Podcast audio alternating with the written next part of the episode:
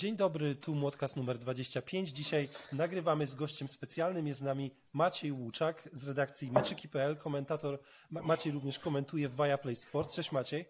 Cześć, witam. Bardzo mi miło.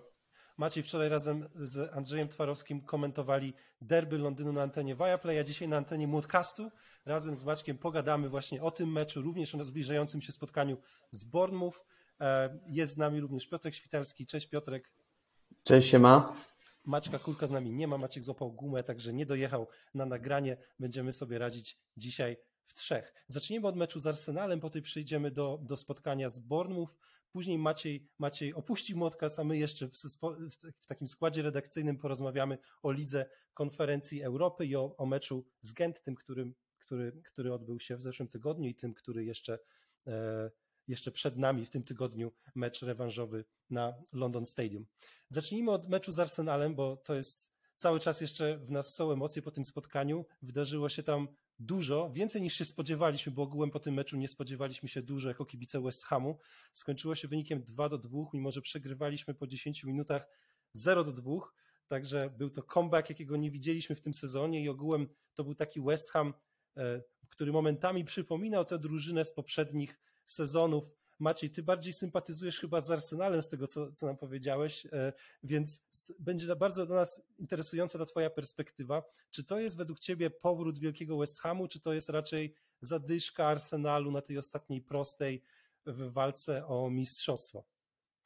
Na pewno trzeba docenić to, co zrobił West Ham, bo biorąc pod uwagę, jak się to spotkanie rozpoczęło, to tak w okolicach dziesiątej minuty, kiedy już było 2 do 0 dla, dla Arsenalu, wspomniałeś tutaj Andrzeja Twarowskiego, z którym miałem przyjemność ten mecz e, współkomentować, e, no to tak się zaczęliśmy zastanawiać, w zasadzie to ja zacząłem, bo nie będę tutaj zwalał na e, Andrzeja, mówiąc o bilansie bramkowym Arsenalu, o tym, że bilans bramkowy może decydować o mistrzostwie Anglii. Myślałem, że ten mecz będzie zmierzał tylko w taką stronę, że to właśnie Arsenal będzie mógł sobie ewentualnie poprawiać ten bilans bramkowy, bo no te początkowe minuty postrzegałem trochę jako kapitulację West Hamu, bo tak naprawdę mm, zespół broniący się przed spadkiem, grający u siebie na jednak takim stadionie, na którym pojawia się mnóstwo mm, kibiców, pewnie ta atmosfera w porównaniu do, do poprzedniego obiektu jest y, dyskusyjna, ale mimo wszystko no to jest rzesza kibiców, która wspiera ten klub, a tu się nagle okazało, że po 10 minutach Arsenal prowadzi 2-0 i tak naprawdę no, można było odnieść takie wrażenie, że nie musiał się Arsenal nawet bardzo napracować, żeby zdobyć te dwie e, bramki i nie spodziewałem się, przyznaję e, szczerze i nie wiem, czy wy mnie tutaj poprawicie, że wy się spodziewaliście, że ten mecz może mieć e, taki obrót, że to się wszystko może skończyć remisem i, i takim wynikiem na pewno bardzo korzystnym dla West Hamu też z perspektywy wiary w to, co się wydarzy tak naprawdę na ostatniej prostej. Zapytałeś, czy to jest powrót wielkiego West Hamu. Tu bym się trochę wstrzymał, bo mimo wszystko to jest cały czas walka o, o utrzymanie. Ten wielki West Ham, mm, e, to oczywiście już nawet odnosząc się do tych ostatnich lat, no to pewnie bardziej te poprzednie sezony, kiedy choćby przecież 12 e, miesięcy temu ta, ta świetna przygoda w Lidze Europy, jak wygrywali i z Lyonem i, i z Sevillą i, i, wcześniej też kilka klubów e, pokonali, ale na pewno taki zastrzyk pozytywnej energii, pozytywnych wydarzeń na, na końcówkę sezonu, bo ja kojarzę e, West Ham w tym sezonie jako taką drużynę, która dotąd e, przede wszystkim patrzymy na nią z perspektywy kryzysu, z tego, że się bronią przed spadkiem, że no, tego się nie spodziewałem ja i pewnie, pewnie wy też nie, ale kiedy dochodzi do takich absolutnie najważniejszych momentów, do takich momentów, kiedy już wydaje się, że ta drużyna osiągnęła najniższy punkt, oni się wtedy potrafią podnieść, bo nawet przygotowując się do tego właśnie meczu z Arsenalem sobie rzuciłem y, okiem na wszystkie wyniki West Hamu w tym sezonie Premier League i mm, tak zauważyłem pewną tendencję, że kiedy już posada Davida Moysa wisi na włosku, kiedy już dużo mówi się o tym, że on zostanie zwolniony, to nagle potrafi West Ham wygrać, przepchnąć, bo to często są takie przepchnięte mecze, ale, ale wyróżniłem kilka takich momentów. To było na pewno wygrana na Villa Park, kiedy wygrali z Aston Villą po golu, jeśli dobrze pamiętam, Pablo Fornalsa. To był taki mecz bardzo słaby z obu stron, bo to Aston Villa Stevena Gerrarda była słaba, West Ham też mocno przeciętny. No to zwycięstwo z Nottingham Forest 4 do 0, ale też mam wrażenie, że ten wynik troszkę mm, zaciemniał obraz tego spotkania, bo tam długo był przecież remis. E, Brentford na wyjeździe zwycięstwo to też było po jednym z takich chyba wysokich porażek wcześniej u siebie. No, tak, ale, ale, ale to puchar, to był puchar. E, ale mimo wszystko, wiesz, chyba no. stworzyło taką e, atmosferę, że no okej, okay, obronili się, wygrali, więc no, choćby być może wtedy posadę uratował David Moyes, to, to wy pewnie już wiecie nawet lepiej, jak to mogło wyglądać. No i ostatnio po tym meczu z Newcastle też przepchnięte, oglądamy to spotkanie z otworzenia też się przygotowując właśnie do tego meczu z Arsenalem. No nie powiem, żeby to było największe widowisko, jakie, jakim uraczyła nas w tym sezonie Premier League, ale West Ham wygrał, więc kilka takich przypadków, kiedy faktycznie potrafili w tych najważniejszych momentach, jeszcze Southampton u siebie, e, nie wiem czy wymieniałem, jeśli tak, to się powtarzam, ale mm, no to jest jakaś wartość w walce o utrzymanie, no bo nie ma się co oszukiwać, że w tym momencie pewnie West Hamowi musi po prostu zależeć na tym, żeby w przyszłym sezonie grać na poziomie Premier League, a co się wydarzy dzień po zakończeniu sezonu, to jest już pewnie zupełnie inna historia. Zdecydowanie. Dla mnie ten, to spotkanie to było trochę jakby przeciwieństwo tego, co West Ham prezentuje w tym, w tym sezonie, bo gdy zobaczyłem, że przegrywamy 0 do 2, to już tak naprawdę to, co powiedziałeś przed chwilą, że też miałeś takie czucie przy komentowaniu meczu, że zaraz powtórzy się Newcastle, że zaraz zostaniemy trzecią, czwartą, piątą i będzie kompromitacja, ale właśnie od tego gola na 2-1, tego rzutu karnego, tak naprawdę widzieliśmy taki West Ham z poprzednich sezonów, czyli generalnie mega uprzykrzający e, życie właśnie takim ofensywnym zawodnikom jak Saka, czy po prostu no, widać było, że Arsenal miał bardzo duże problemy z tymi, przede wszystkim z bocznymi obrońcami na przykład, bo, bo Coufal, gdzie na samym początku myślę, że przy dwóch bramkach musi lepiej zachować, a, a w kolejnych minutach i do końca spotkania znowu się naprawdę jak stary dobry Coufal, pomógł też Antonio, pomógł Bowen, to były najlepsze wersje ich w tym sezonie moim zdaniem, bo wiele wiele narzekamy na, na tych zawodników, wiele ogólnie na cały West Ham, ale dla mnie jakby nawet powtarzam, mogę się powtórzyć, ale na poprzednich podcastach o tym rozmawialiśmy, że jak, jak najlepszy West Ham to była wtedy, był wtedy, gdy była najlepsza wersja Michael Antonio. Kiedy on się dobrze prezentował, to West Ham naprawdę zagrał dobrze i, i tak to było, było i w tym meczu. Y, a co do tego, co powiedziałeś o, o tej sytuacji Davida Moisa i o tych spotkaniach, to dokładnie, bo gdy już wszyscy wieścili kibice czy, czy komentatorzy, że już po prostu David Moyes zaraz, zaraz skończy swoją, swoją przygodę, drugą już na, na London Stadium, to on się bronił właśnie w, często w słabym stylu, ale najważniejsze były punkty. I to jest, tak jak powiedziałeś, w walce o utrzymanie będzie kluczowe i teraz tak sobie patrzę na tabelę, patrząc na to, jakie terminarze mają rywale, jaki my mamy terminarz, to dochodzę do wniosku, że te cztery punkty mogą być kluczowe w walce o utrzymanie, bo trochę względnie spokoju sobie zapewniliśmy tymi czterema punktami zwycięstwem z Fulham, remisem z Arsenalem, a mamy już cztery punkty przewagi nad strefą spadkową, a tak naprawdę pięć nad Evertonem, nad Nottingham, bo mamy dużo lepsze bramki od tych rywali, więc myślę, że mega ważne były te, te punkty i, i to, to może, może przychylić szale, że się utrzymamy. Ja myślę, że to nie był taki typowy mecz pod toporem, w sensie Gdybyśmy przegrali to spotkanie, to David Moyes pewnie nie byłoby dyskusji, czy powinien zostać zwolniony. Znaczy, bo to był taki mecz, który po prostu trzeba było przegrać, biorąc pod uwagę poprzednie rezultaty z Arsenalem, biorąc pod uwagę formę Arsenalu. Oni trochę zwolnili tempo, ale wciąż jednak takie drużyny jak West Ham, Arsenal spokojnie, spokojnie z nimi wy, wygrywa. Jeszcze ta analogia do meczu z Newcastle jest, jest ciekawa, bo moim zdaniem ten mecz mógł się po, potoczyć bardzo podobnie i on się bo, bo był ten moment, kiedy gdyby Arsenal wykorzystał rzut karny, to, to byłoby trudniej się podnieść chyba.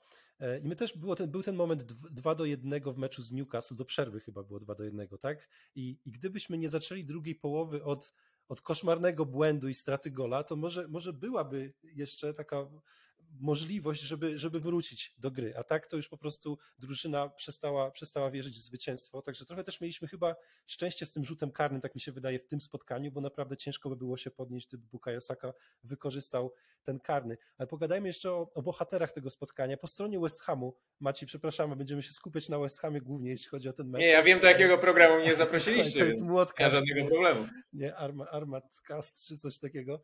Także będziemy, będziemy rozmawiać o West Hamie. Wspomniałem wspomniałeś Mikel Antoni, rzeczywiście się zgadzam, że to jest zawodnik, który, który często decyduje o grze, grze całej drużyny i drużyna jest taktycznie od niego uzależniona, ale też warto wspomnieć chyba Jaroda Bowena, chyba e, Władimira Coufala. W ogóle Coufal wyrasta na taki cult hero w West Hamie moim zdaniem, taki Tom, Tomas Repka może być, on już ma 100 meczów w barwach West Hamu i naprawdę już w pewnym momencie go trochę przekreśliliśmy, że ok, już się skończył, ale widać, że, że cały czas jest, prezentuje jakiś poziom. Jeśli w przyszłym sezonie też będzie prezentował poziom, moim zdaniem ma szansę zostać zapamiętany na długo w barwach West Hamu. Kto waszym zdaniem był jeszcze godny, godny wyróżnienia w tym spotkaniu? No ja bym tutaj przede wszystkim e, wskazał, bo tutaj Piotrkowi musimy oddać to, że on powiedział Antonio. Ja się oczywiście w pełni zgadzam, bo to był taki piłkarz bardzo nieprzyjemny do, e, do grania dla obrońców Arsenalu. Myślę, że sobie przede wszystkim wytypował też holdinga, z którym mm, e, dość łatwiej niż na przykład Salibą było mu walczyć i, i naprawdę było widać, że włożył mnóstwo takiej determinacji, energii w to, w to spotkanie i, i myślę, że też udowodnił tym meczem między innymi, że jest najmocniejszym kandydatem do tego, żeby albo być tym samotnym napastnikiem, że najlepiej się nadaje do tej roli, no albo ewentualnie będzie grał z kimś w duecie, natomiast on jest takim podstawowym, czy też będzie podstawowym wyborem dla Davida Moisa. Ja przyznam szczerze, jestem sympatykiem tego piłkarza i też cieszę się, że jest w podstawowym składzie West Hamu, bo, bo ja go lubię oglądać. Może to nie jest taki najbardziej mm, powiedzmy standardowy piłkarz, E, ale bardzo to cenię tę jego przygodę w West Hamie i mam nadzieję, że zostanie na przyszły sezon, mimo że pewnie będzie ewoluowała ta, ta drużyna i, i gdzieś pewnie jest kres dla, e, dla Michaela Antonio, to, to mimo wszystko fajnie, że taki piłkarz jest e, w tym klubie. No ja bym tutaj jeszcze wyróżnił przede wszystkim Declana Rice'a, bo uważam, że widziałem jeszcze też analizę tego spotkania dziś, dziś przeglądając prasę. Nie zwróciło to nawet w tym, w tym jakby całym przebiegu wydarzeń, e, bo sporo się działo na, na London Stadium, to przecież Declan Rice zalicza ten kluczowy przechwyt e, piłki przy sytuacji z rzutem karnym, gdzie, e, gdzie faul popełnia Gabriel.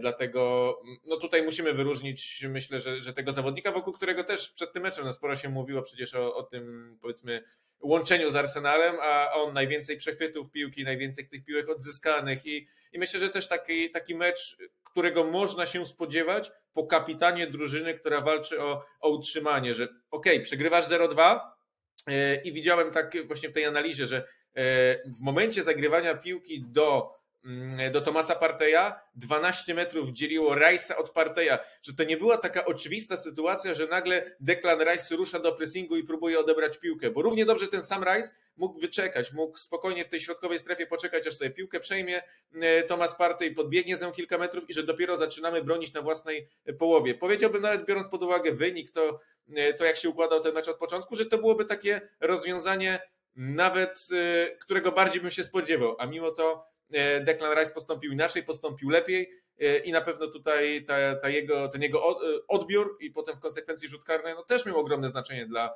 dla tego spotkania, bo tak z gry nie zanosiło się na to, żeby West Ham zdobył kontaktową bramkę, więc tutaj podłączył ich wyraźnie do, do spotkania i, i mi się ten piłkarz też, też generalnie w całym tym spotkaniu bardzo podobał. Mi się wydaje czasami, że jak chodzi o Declan Rice'a, to już na siłę szukamy innych zawodników, którzy zagraliby dobrze, bo wiemy, że ten Rice prezentuje ten wysoki poziom, tak? I to jest tak często jest u nas jak sobie rozmawiamy. Tak, zdecydowanie, bo sporo w niedawnych, e, po niedawnych spotkaniach było tak jakby przytyków od strony kibiców, że ten body language Rice'a nie wygląda dobrze, że po prostu mieli już kibice takie wrażenie, że i opinie wysnuwali, że po prostu on już nie chce tu być, po prostu on chce grać w tym lepszym klubie, gdzieś tam się rozwijać, grać w Lidze Mistrzów, ale, ale tymi spotkaniami pokazuje zdecydowanie, że, że to jest, jest kapitan, on chce się pożegnać tutaj pożegnać tutaj z utrzymaniem. Daj Boże jeszcze, żeby się, żeby się pożegnał z Pucharem Ligi Konferencji, bo takie trofeum jakby, jakby, jakby przed odejściem do nowego, do nowego klubu zostawił trofeum w gablocie, taki europejski puchar, to na pewno dużo, dużo lepiej byłby za, zapamiętany. Co do jeszcze Antonio, to yy, to jak zagrał dobry mecz też pokazuje, jak Gabriel miał szacunek do niego w tym spotkaniu, bo, bo widać było, że miał z nim problemy, ale widać jak szanował rywala, bo czasami Gabriel jest takim zawodnikiem, który potrafi tam sobie, tak powiem, za ucho się z, z rywalem pociągnąć, ale, ale w tym meczu było widać, nawet jak schodził, jak schodził Antonio, to sobie przybili pionę i tam widać było taki wzajemny szacunek, to było mega spoko, ale też jeśli chodzi jeszcze o Antonio czy Cofala, to oni też jakby drugie życie w tym meczu dostali, bo, bo Cofal, tak jak powiedziałem, przy tych dwóch bramkach, gdyby, wydaje mi się, że przy pierwszej bramce, gdyby nie machnął tą ręką, jeśli chodzi o spalonego, to to tempo mógłby być wcześniej, mógłby być przed, przed strzelcem przy pierwszej bramce, a przy drugiej to też za łatwo dał, dał Martinellemu dorzucić do Degardo, oczywiście wykończenie najwyższej klasy światowej, ale, ale generalnie trochę za łatwo miał Martinelli za dużo miejsca. Antonio też ta ręka była, tak, w polu karnym, on sprokurował ten rzut karny przy, przy tym rzucie karnym, który Saka nie wykorzysta, więc oni tak jakby odrodzili się w tym spotkaniu i dali nam, dali nam te punkty, ale mega też cieszy Jared Bowen i tak krytykujemy go, że to, bo trochę jakby swój, swój pułap ustawił tym poprzednim sezonem. Tak myśleliśmy, że do tego będziemy mierzyć, ale a Bowen ma 17 bramek w tym sezonie, więc to też wiadomo, że w różnych rozgrywkach, tam 5 w Premier League, ale to też jest niezły wynik jak na skrzydłowego. Ja bym jeszcze jedną rzecz a propos Cofala powiedział i nie lekceważył tego w końcówce sezonu, no biorąc pod uwagę, jak każdy gol może być istotny w tej walce o utrzymanie, te wrzuty z autu. Bo naprawdę a. czuć, że co któraś sytuacja może kreować naprawdę bardzo dobre okazje do, do zdobywania bramek, więc mam wrażenie, że to jest takie coś ekstra, coś takiego nieoczywistego, ale też przy okazji powtarzalnego, że mm, e, wiecie, ci rywale w najbliższych tygodniach mm, generalnie jak nie masz kogoś takiego, kto wrzuca piłki daleko w pole karne, to zespół trochę tak bezmyślnie może wybijać piłkę na aut i niczym to się groźnym nie kończy. Najczęściej mogą się spokojnie ustawić, mają chwilę czasu, a tutaj ten Sofal, który faktycznie ma ten e, wrzut piłki z autu naprawdę imponujący, daleki, no to w zasadzie na wysokości pola karnego, czy wybijesz na rzut rożny, a jeśli będzie grał Cresswell, czy jest Bowen, którzy dobrze te piłki dośrodkowują, jest przecież e, e, Zoma, czy, czy może wróci Ager, to też będzie jakieś zagrożenie. Jest Sołczek, chociaż oczywiście on, on nie ma za bardzo, chyba 24 gole bez, 24 mecze bez gola, więc no ta jego skuteczność to, to raczej przeszłość, ale mimo wszystko, to jest taka rzecz, że jak jesteś w tym bocznym sektorze boiska po prawej stronie West Hamu, no to ani piłkę wybić za linię końcową, bo będzie rzut rożny, a jednak no przynajmniej tak trochę stereotypowo pewnie niż liczbowo w tym sezonie, ale West Ham jest groźny, czy, czy też nie bardzo chcesz bronić rzutu rożnego przeciwko West Hamowi, no i te wrzuty z autu to, to też coś może być takiego ekstra. Może jeden, może dwa gole w końcówce sezonu, ale to też może mieć swoje znaczenie moim zdaniem. Ja jeszcze, ja jeszcze jakbym mógł się trącić, to bym pochwalił co nieco krytykowanego chyba najbardziej w sezonie Tilo Kerrera, bo wiele, wiele spotkań w wielu spotkaniach miał, tak w cudzysłowie potocznie mówiąc, wylewy takie w obronie, gdzie po prostu brakowało koncentracji, gdzieś, gdzieś jakieś aspekty techniczne brał tutaj górę i były błędy z tego, ale naprawdę to jest taki zawodnik, że kiedy nie oczekujesz go, że zagra jakiś dobry mecz, to zagra naprawdę dobrze, a później, gdy w nagrodę David Moyes daje mu kolejny mecz, to kompletnie go zawala. To jest, to jest odwrotna sytuacja do tego, co rozmawialiśmy, że David Moyes ucieka spod topora kiedy, kiedy po prostu jest słabszy mecz, a później, później przypycha te wyniki. Na pewno przy nim bym też plusik postawił, bo to jest zawodnik, który, który po prostu w niektórych meczach naprawdę, naprawdę daje radę. Tym bardziej, że zagrał z konieczności, bo wiemy, że yy, tak naprawdę godzinę, godzinę przed meczem jeszcze był Aguero awizowany do, do wyjściowego składu, ale tam były problemy zdrowotne. To samo było na, na treningu przed, ostatnim treningu przed meczem skarżył się na ból pleców, gdzie tam upadł z meczu z Gentem. Groźnie tak to wyglądało, ale, ale generalnie z konieczności grał Kerrer i moim zdaniem dźwignął temat.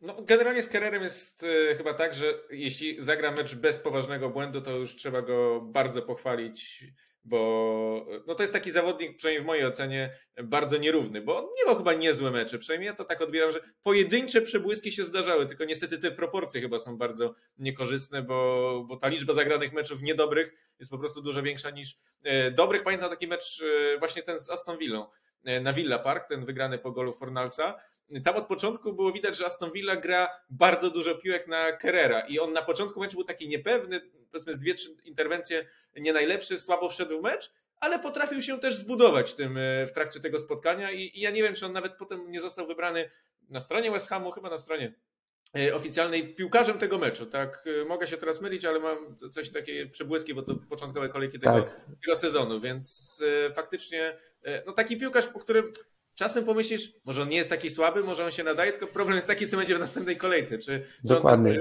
On to, to jest chyba po prostu największy kłopot tego zawodnika. Tak, z Tomasowilą wtedy było, że wyszliśmy na ten mecz trójką, trójką stoperów, on zagrał tego półprawego i tam dużo było piłek, a gdy David Moyes y, w przerwie zmienił ustawienie Emersona, posadził na ławce wtedy, chyba w, chyba w 45, w przerwie już Emerson szedł i Kerry zagrał chyba na prawej obronie, wtedy to zupełnie lepiej wyglądało i wtedy wygraliśmy ten mecz.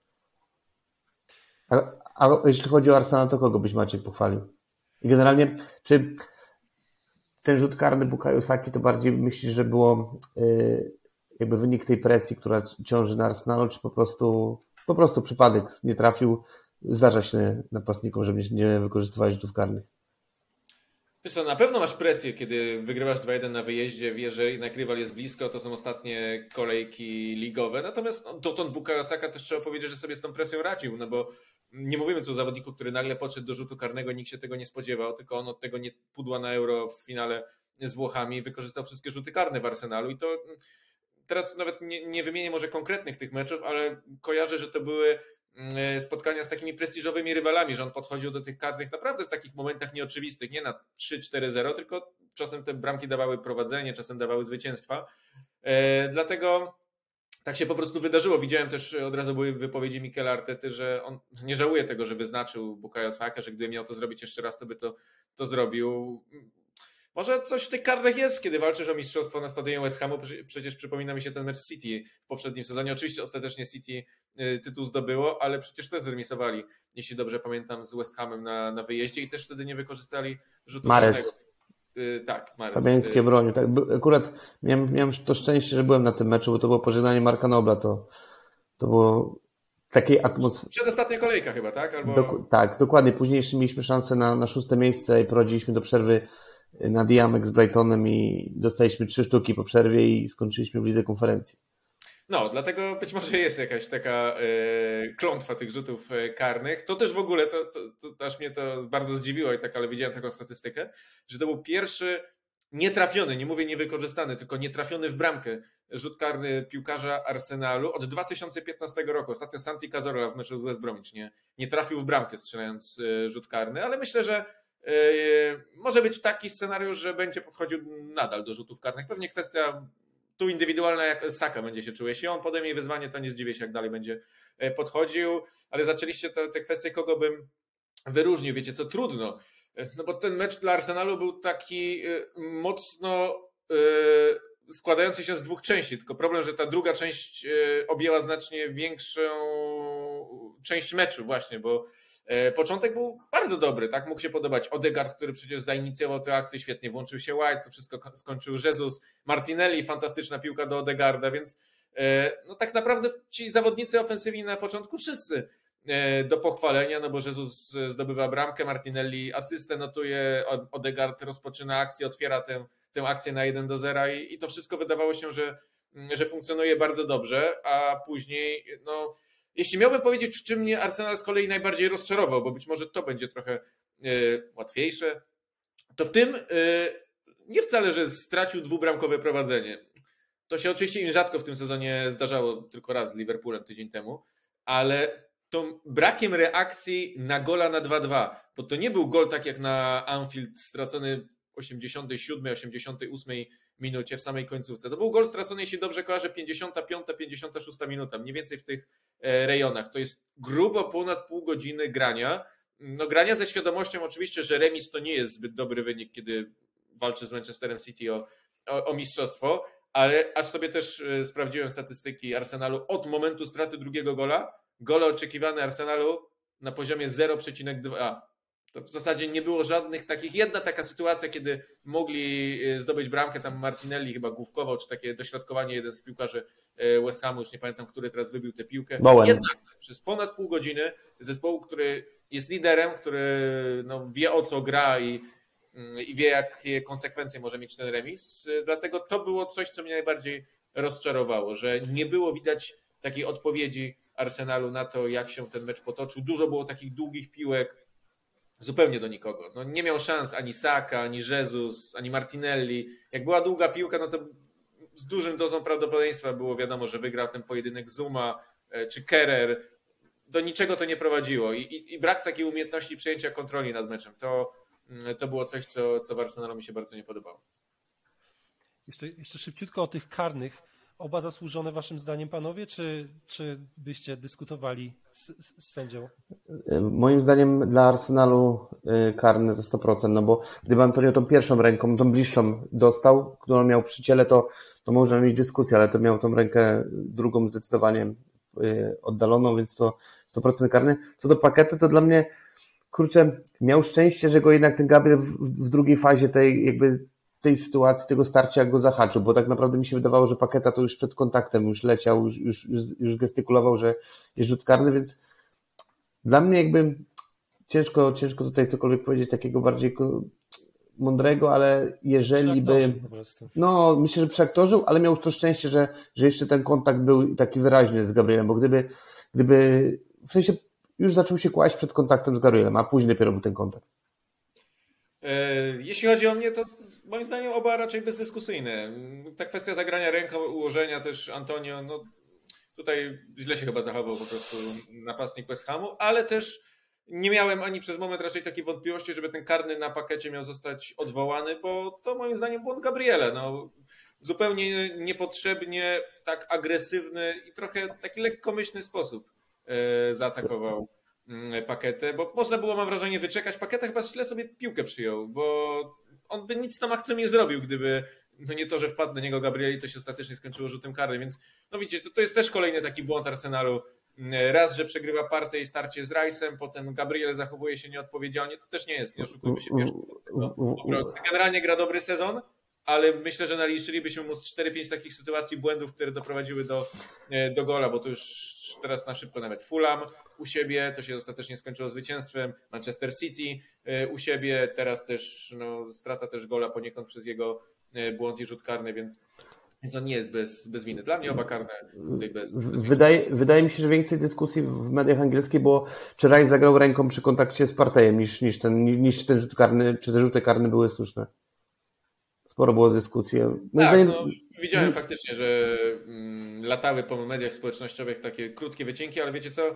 Za blisko to było, moim zdaniem. Tak, żeby... ja, ja też nie ufam tym takim wycinkom, nie? No. Coś konkretnego y, sugerować, bo to już jest wycięte z jakąś z góry założoną tezą i to troszeczkę mam wrażenie, że szerzej trzeba potraktować zawsze takie sytuacje, a nie iść tak powiedzmy na podstawie jakiegoś wideo, które ma dwie sekundy, trzy, jest jakimś, nie wiem, zoomem przybliżone i, i tam, wiecie, widać to tak jak na transmisjach, y, nie wiem, w jakimś internecie w latach do początku 2000, więc, więc nie, no, to też. To Myślę, też że nie ma co tutaj w ogóle o sędziowaniu rozmawiać, bo to wszystko raczej a. odbyło się zgodnie z, ze sztuką. A to nie jest przecież e, ostatnio normą i, to, i standardem. To też jest podobne do tego, jak VAR, jak VAR na przykład analizuje gdzieś w zwolnionym tempie tą sytuację jakąś mniej więcej, nie? że jest jakiś faul, przykładowo on nie jest w tym rzeczywistym czasie, gdzie tam jest na przykład mocne zderzenia, a jeżeli szuka w stop klatce, to, to zawsze coś znajdzie, tak? bo, bo jakiś kontakt zawsze jest.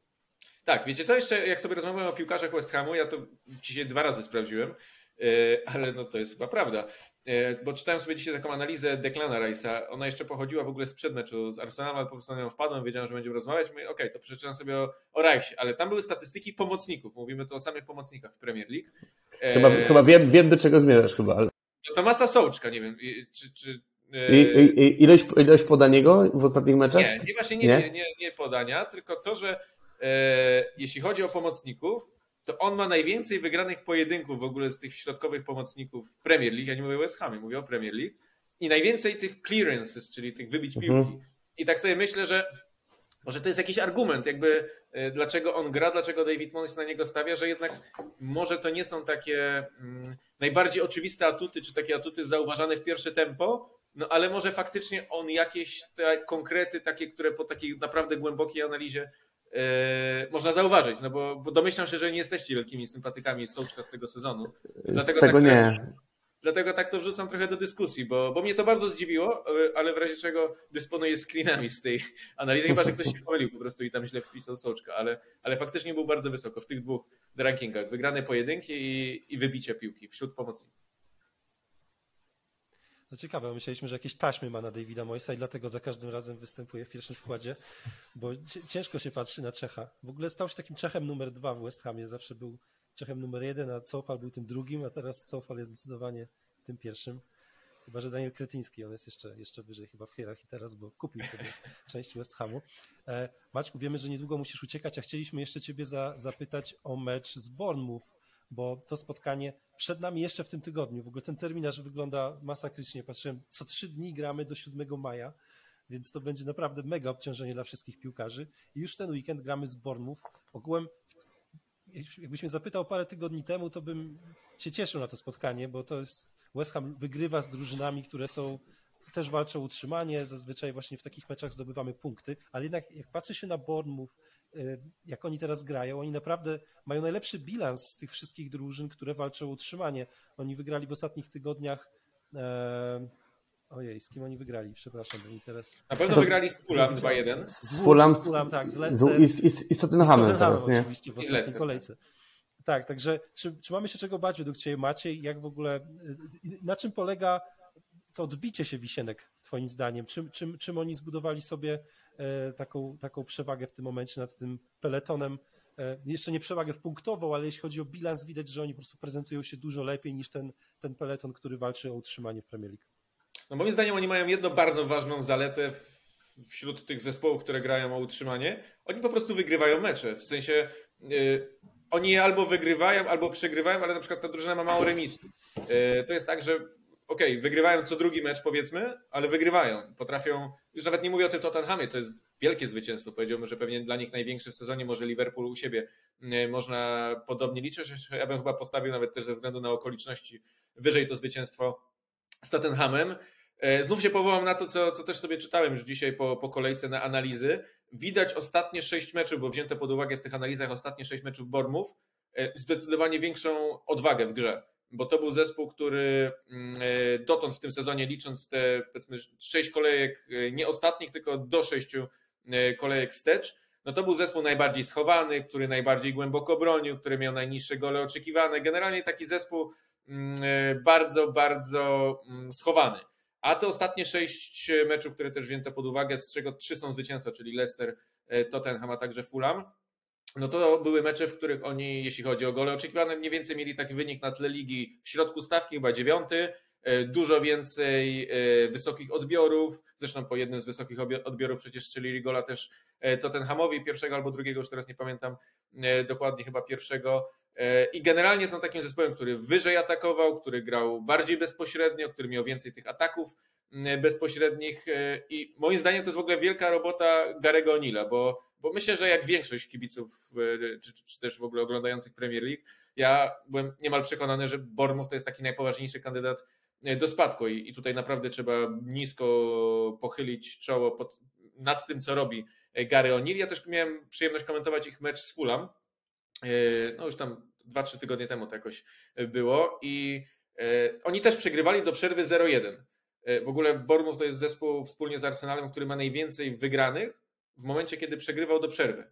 Więc to też pokazuje, jak na przykład Gary O'Neill jest w stanie wpływać na zespół. I właśnie w tym meczu z Fulham u siebie przegrywali 0-1 i to był taki mecz, w którym w tej pierwszej połowie niewiele kreowali, niewiele było, niewiele się działo pod bramką Leno. Nawet to Fulham może mogło wygrywać, prowadzić 2-0 wprowadza dwóch zawodników w przerwie, Taverniera i Ryana Christiego. E, Tavernier chwilę później zdobywa piękną bramkę. Christie powiedziałbym, że nawet gra lepiej, w sensie jeśli ktoś ten mecz obejrzał w skrócie, no to pewnie przede wszystkim mu się mm, e, łapała ta bramka piękna Taverniera. Christie zalicza asystę, ale generalnie jest takim liderem ofensywy E, Bournemouth kreuje sytuację. To był chyba w ogóle mecz, w którym mieli najwięcej strzałów, największy tym współczynnik goli oczekiwanych. Ich najlepszy mecz w ofensywie, ten mecz z Fulham. Wygrali go absolutnie zasłużenie 2-1, mogli nawet wyżej.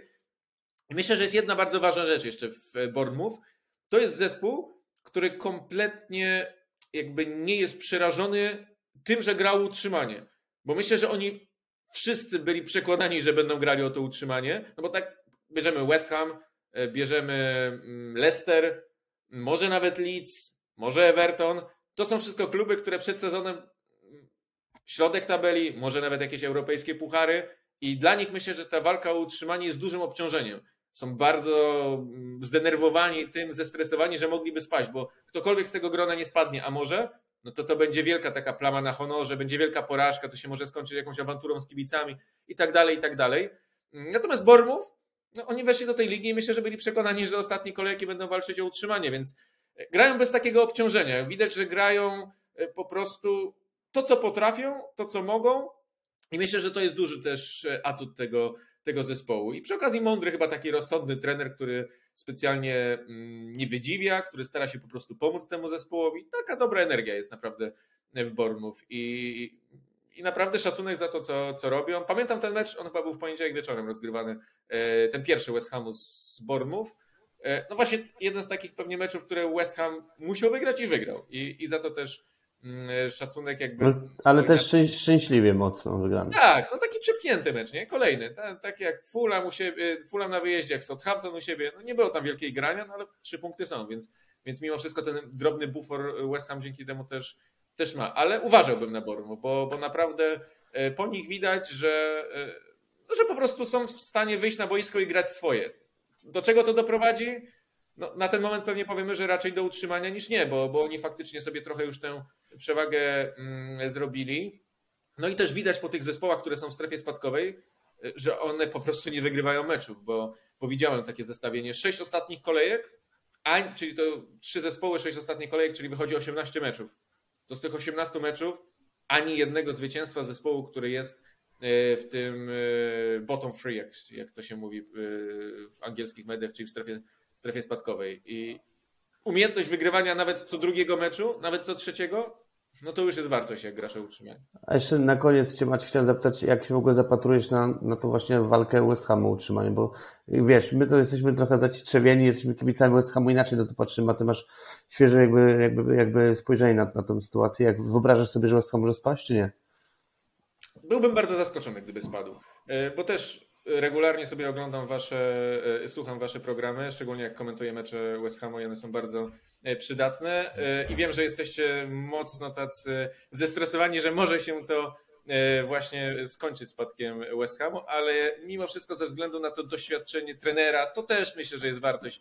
Pewnie zmierzamy ku temu, że David Moyes przestanie być trenerem West Hamu już po, po sezonie, ale myślę, że to będzie sezon, w którym jednak zakończy się to wszystko obecnością w Premier League masz też takich zawodników, mamy, ma West Ham jak Rice, jak Antonio, jak Fabiański, jak Coufal, no to też widać po kogo sięgnął Mois, kiedy trzeba grać o utrzymanie, kiedy trzeba było zagrać z Fulham, że, że pojawił się Cresswell, e, wróci zaraz Ogbonna pewnie, e, więc myślę, że mają zbyt wielu takich piłkarzy, którzy jednak są w stanie w tych najważniejszych momentach dźwignąć. No to nie będzie wielki sezon, e, przynajmniej w lidze, no bo Liga Konferencji Europy to inna historia, ale przynajmniej w lidze to nie będzie wielki sezon West Hamu, ale myślę, że ostatecznie dwie, trzy kolejki przed końcem już będziecie mogli odetchnąć i, i że to raczej nie West Ham, a, a inna drużyna, inne drużyny e, skończą w Championship. A właśnie jeszcze tak bardzo szybko, jakbyś takiego właśnie wróżbitę miał się pobawić, wróżbitę Macieja, to kto twoim zdaniem spadnie? No, imię zobowiązuje, więc nie mogę tego odrzucić, e, tej propozycji. No,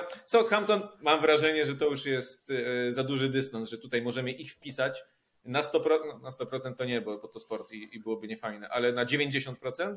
I wiecie co? Hmm, potem jest naprawdę mam problem, bo Leicester jest dla mnie przykładem i przeciwieństwem Bournemouth w tej kwestii zestresowania grą o utrzymanie. No bo oni nie mają składu na spadek. Powiedziałbym, że to byłoby jeden z najbardziej sensacyjnych spadkowiczów XXI wieku mm, w, w Premier League. Nie wiem, czy, bo nawet najbardziej. E, ale oni już też mają taki dystans troszkę do nadrobienia. To nie będzie kwestia jednego zwycięstwa i wszystko wraca do normy. Mm, nominacja Dina Smitha też powiedziałbym, że taka nie robiąca wielkiego wrażenia. Więc dla mnie mimo wszystko Leicester, choć dla mnie będzie to wielka sensacja. Chyba największa sensacja, jeśli chodzi o spadek w XXI wieku, a też sobie ostatnio to przeglądałem i chyba, to wy może mnie poprawicie, e, ten West Ham, który spadł na początku XXI wieku, to był 2003 rok, jeśli się nie mylę. 2002-2003 sezon, dokładnie. E, no to tam były naprawdę takie nazwiska bardzo mocne, wy to pewnie pamiętacie lepiej. No to była dla mnie, jeśli przynajmniej chodzi o nazwiska, drużyna najmocniejsza, która spadła. I to jeszcze spadła mając tam chyba więcej niż 40 punktów. Tak, chyba jedyny klub, który spadł mając 40. 41 chyba, więcej. albo 40. Tak, Dokładnie. no więc Leicester i szczerze, ta trzecia drużyna to mam przeogromny kłopot, ale powiedziałbym, że Nottingham Forest. Nie wystarczy Gibbs White i nie wystarczy Johnson chyba do tego, żeby się utrzymać. Za duży chaos, za duży taki miszmasz. E, no więc tak, jak mamy się bawić, to, to zweryfikujemy to na koniec, ale, Jasne. ale tak to widzę. Maciej, bardzo Ci dziękujemy za dzisiaj. Mamy nadzieję, że jeszcze będzie okazja Ciebie gościć w Młotkaście. Z wielką przyjemnością, bardzo dziękuję. Dzięki wielkie. Do usłyszenia. No, trzymaj się, dziękujemy. Hej.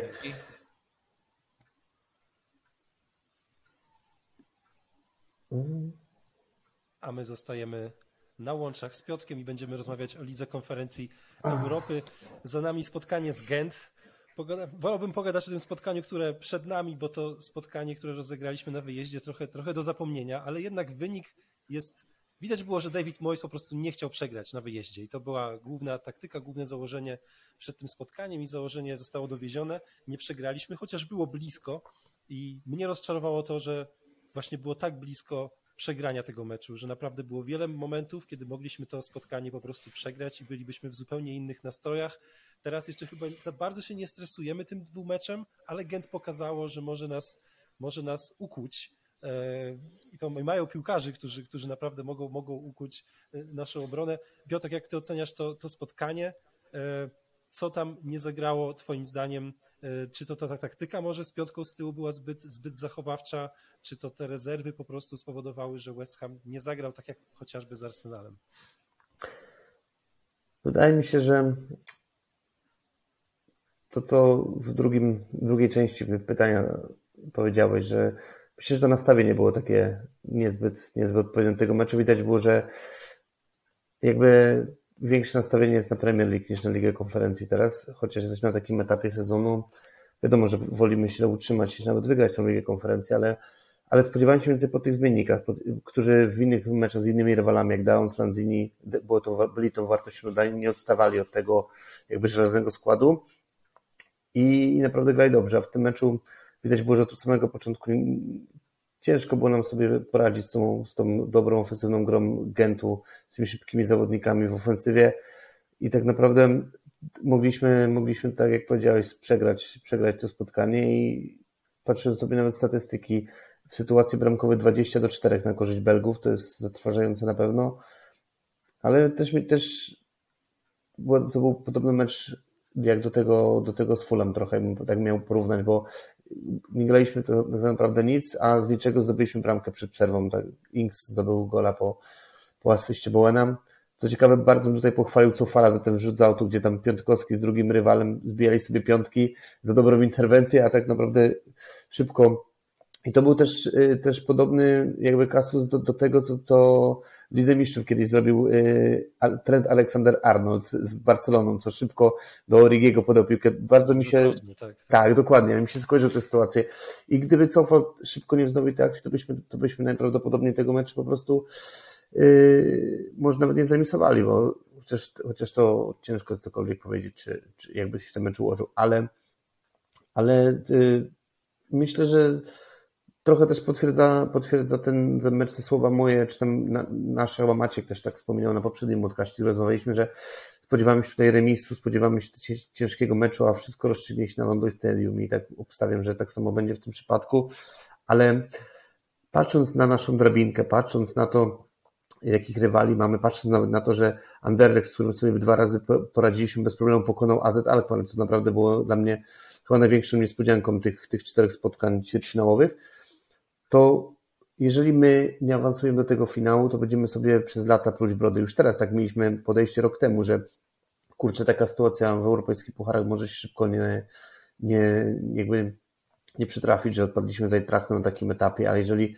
mając taką drabinkę, mając taką kadrę i trochę jakby lepsze jakby humory i większą pewność siebie po tych ostatnich występach w lidze, my tego nie zrobimy, nie awansujemy do tego finału, to na pewno będziemy sobie pluć brodę, ale ja wierzę, że skład będzie pewnie podobny, pewnie David Moss też porotuje trochę zawodników, trochę tak by się wykrystalizowała ta jedenastka pod Premier League, więc myślę, że trzeba wyjść, wygrać i awansować do tego półfinału, a później to już, to już będzie inna historia. No właśnie, bo ten mecz zagraliśmy trochę, trochę rezerwowym składem. E, znaczy kilku rezerwowych piłkarzy mogło, mogło zagrać w tym, w tym, zagrało w tym spotkaniu od pierwszej minuty i moim zdaniem ci piłkarze raczej potwierdzili, czemu są rezerwowi. E, czyli Flynn Downs zupełnie mnie nie przekonał. Lanzini miał no, katastrofalny występ. Inks mimo tej bramki. E, a jednak, jednak najgorszy chyba miał Ben Johnson jednak. Tak, występ. Ja nie wymieniłem Bena Johnsona, a nie Lanzini, tak i Ben Johnson oczywiście, tak. on był naj, najsłabszy zdecydowanie. I właśnie chciałem Cię zapytać, bo powiedziałeś, że będzie rotacja, ale co, znowu zagramy Benem Johnsonem Twoim zdaniem? bo ja, ja bym się spodziewał jednak już takiego bardziej wyjściowego niedzielnego garnituru na to spotkanie, bo jednak stawka jest taka, że no, no trzeba, trzeba awansować i David Moyes na pewno sobie zdaje z tego sprawę. Więc ja bym tu się bardziej spodziewał takiej jedenastki jak z Arsenalem, mimo że mhm. minęło zaledwie parę dni od tego meczu, więc to też jest oczywiście problem. Jak rozegrać ten mecz, jeśli chodzi właśnie o skład, twoim zdaniem? Moim zdaniem będzie sporo zawodników z pierwszego składu, ale to też nie będzie taki skład jak zazwyczaj. Zazwyczaj w tej lidze konferencji graliśmy jakby tak mniej więcej pół na pół. Sporo było takich zawodników, ale też jest u nas jest taka sytuacja w tym sezonie, że przez większy czas, przez, przez więcej jakby miesięcy czy tygodni nie wiemy, kto tak naprawdę w tym zespole jest, jest gra w wyjściowym składzie, bo mamy takich kilku zawodników, którzy, którzy grają bez względu na wszystko, czyli Sołczek, Bowen, Rice czy Paketa. W ataku, w ataku są różne rotacje. Zazwyczaj grał Aguard, gdy nie był kontuzjowany. Różnie to bywa, przepraszam, jasne, w obronie.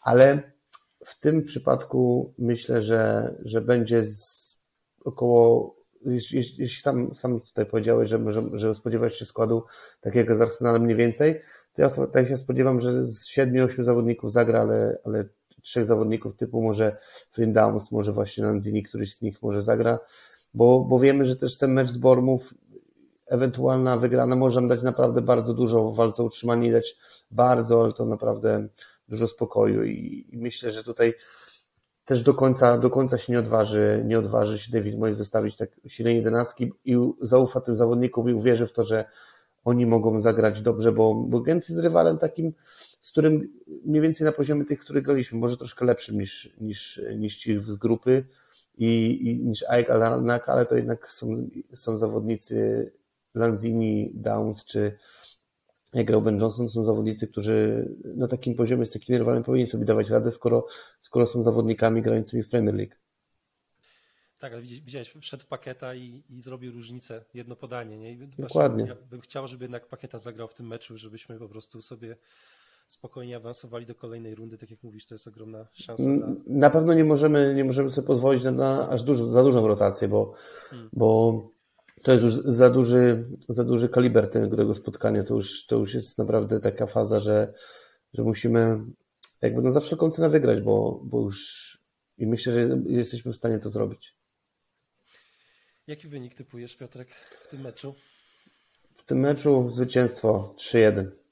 Myślę, że nie będzie, nie będzie to łatwe spotkanie, na pewno takie, które po prostu jak z AEK Larnaka sobie wyjdziemy, walniemy dwie, trzy bramki i będzie, będzie spokój, będzie się nam przyjemnie ten mecz oglądał, bo myślę, że Gent, Gent y, na pewno też wie o co gra, to jest taka drużyna dużo wyższy kaliber niż, niż na przykład AEK, ale, ale to na pewno na pewno oni tutaj przyjadą po, też po awans, więc spodziewam się, że wygramy, że ta piłkarska jakość jednak West Hamu jednak weźmie górę i, i, to, że, i to, że jednak wiedzą i piłkarze, i trenerzy, i kibice wiedzą, że w tym słabym sezonie Premier League to taka może być iskierka, że to może być tak naprawdę jakby trochę, trochę rehabilitacja, jakby uratowanie tego sezonu, jeszcze ta, ten triumf, ten finał w Lidze Konferencji, żeby nasi kibice jeszcze mogli się, mogli się pocieszyć w tym sezonie z czegoś.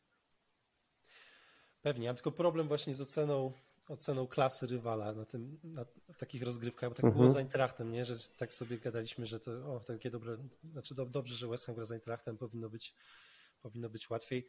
Ja nie wiem, jak to taki Anderlecht, nie? że graliśmy z nimi w grupie i, i to wyglądało dosyć łatwo i przyjemnie. Znaczy nie było aż tak łatwo, ale, ale no. graliśmy ich, ale teraz wydaje mi się, że, bo jest duża szansa, że jeśli awansujemy, to zagramy tak. z Anderlechtem, no to ja bym jednak się bał tego meczu trochę. Bo ja, jak słyszę, słyszę, co mówisz, to, to nawet jak już zacząłeś to zdanie, to już, to już wiedziałem, do czego zmierzasz i, i, i już wiedziałem, że się z tobą zgadzam, bo chodzi, chodzi o to, że to zupełnie będzie inny mecz, to zupełnie dużo cięższy będzie niż faza grupowa, bo, bo to jednak te cechy ewolucjonalne, to, to podejście do meczu, to Anderlecht, wiesz, to już będzie stawką, będzie finał, to nie będzie stawką wyjście z grupy, bo to, tylko to już będzie 100% i zaangażowania i wszystkiego, to na pewno nie, nie będzie dużo trudniej, ale to też nie jest rywal, którego nie możemy przejść, bo jesteśmy faworytem, bo myślę, że patrząc na to, co się wydarzyło w pierwszych meczach i ogólnie, ogólnie to się dzieje w tej lidze konferencji, patrząc na marki, patrząc na, na kluby, to, to 90% myślę, myślę jakichś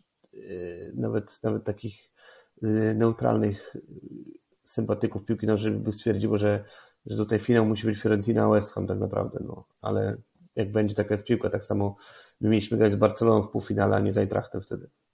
A piłka jest ciekawe. Jaka ciekawe. Jest? Zobaczymy w czwartek. Myślę, że jeszcze ta, ta rotacja, właśnie bo przez to, że ten terminarz tak wygląda, David Moyes będzie musiał naprawdę się nagłowić, jak to rozegrać. Dużo, dużo po stronie trenera teraz leży, jeśli chodzi o rozwiązania, e, układanie składu po prostu, bo trzeba, mhm. ta walka o utrzymanie to jest jednak top priority dla nas, to my musimy się utrzymać i taki mecz z Bournemouth to jest taki trochę finał Ligi Konferencji dla nas, bo trzeba ten mecz wygrać. Dokładnie. Będzie, będzie ciężko zdobywać punkty. Ciekawy, ciekawy czas. Plusem, plusem jeszcze jest to, że nie wiem czy zerkasz, ale ja oglądam Leeds i Leeds przegrywał już 2-0 z Liverpoolem, więc jest dobry wynik dla nas. O, w kontekście walki o utrzymanie, tak. o tym meczu. Kręciłem się w podcast. Dobrze, do, do, dobre, dobra wiadomość. E, Piotr, chyba nie ma co gadać w tym Gent. Chciałem jeszcze wrzucić jeden temat do agendy. Dzisiaj dowiedzieliśmy się o, o tym, że Artur Masuaku, jeden z Twoich ulubionych piłkarzy West Hamu, na, na zasadzie transferu definitywnego przeszedł do Besiktasu e, Stambuł. Co o tym sądzisz? E, to był piłkarz, który był w klubie przez wiele lat. Także jakbyś ocenił w ogóle jego, jego karierę w West Hamie i czy, czy jest ci bardzo smutno z tego powodu, że, że już nie będzie grał w koszulce West Hamu? Wszyscy, co mnie znają, znają tutaj kibice West Hamu wiedzą, że jakby to nie jest zawodnik, który wzbudza moją sympatię. Oczywiście szanuję to, bo, bo ja szanuję każdego zawodnika, który grał, a Masłako grał 6 lat w naszym klubie, więc to, to jest naprawdę dużo. Myślę, że miał swoje momenty, ale on nigdy nie potrafił stabilizować formy, bo i, i też przeszkadzał kontuzje i też yy, pokazywało to, że on jest słabym obrońcą. Jest do przodu, ma, ma sporo atutów. Moim zdaniem on by był, jakby wymyślić mu pozycję wahadłowego na stałe, to by był naprawdę, myślę, że że tam by, mu, tam by dobrze wyglądał, ale racjonalny ruch raczej już, no patrząc, że, że już dochodzi do trzydziestki, to już generalnie myślę, że to nie jest zawodnik na, na poziomie Premier League. Miał swoje te lepsze, gorsze momenty. Na pewno, na pewno zapamiętamy przede wszystkim to, jak szył gola z Chelsea, gdzie tak naprawdę do tej pory pewnie on nie wie, nikt nie wie, czy on dośrodkowywał, czy, czy uderzał, ale pokonał wtedy Mendiego, wygraliśmy 3-2, więc chwała mu za to. Ja, ja też pamiętam te gorsze chwile. Pamiętam to, jak w meczu Pucharu Anglii z Wigan opluł zawodnika i został zawieszony chyba wtedy na, na kilka spotkań i to tak naprawdę jakby wyskalowało to moją jakby antypatię do niego, bo no nie szanuję takich zawodników aż tak, aż tak, no wiadomo, że jestem kibicem West Hamu, to jak grał, to mu kibicowałem, ale, ale jednak jako, jako człowiek trochę mnie stracił w oczach wtedy po tej, po tej, po tej sytuacji. Myślę, że to dobry moment, no tylko szkoda, że, że my nie potrafimy sprzedawać tych zawodników za jakieś pieniądze, bo chyba tam 2 miliony dostaniemy, czy nawet, nawet no dokładnie, to, to jest, to jest i tak to, jest, to, już, to już nie jest tragedia. Tragedia to jest, że 2, 2 czy 3 miliony dostaliśmy za Filipa Andersona. To jest, to jest tragedia.